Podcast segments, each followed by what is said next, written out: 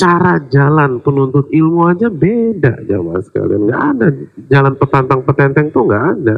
Makanya kan apa kata Allah tentang ibadur rahman dalam surat Al-Furqan ayat 63 kan? Wa ibadur rahmanil ladzina yamshuna 'alal ardi hauna. Dan hamba-hamba Allah. Dan nggak mungkin orang jadi hamba-hamba Ar-Rahman kalau nggak punya ilmu. Kan al ilmu qoblal qawli wal amal kata Imam Bukhari. Ilmu sebelum berbicara dan beramal kita tuh beribadah harus pakai ilmu. Kalau nggak nggak akan diterima. Jadi orang-orang yang beribadah dan ibadahnya benar ibadahnya ikhlas makanya jadi ibadur rahman. Itu kalau jalan wa ibadur rahman alladzina yamshuna 'alal ardi hauna. Mereka berjalan di atas permukaan bumi dengan penuh ketawaduan dengan penuh kerendahan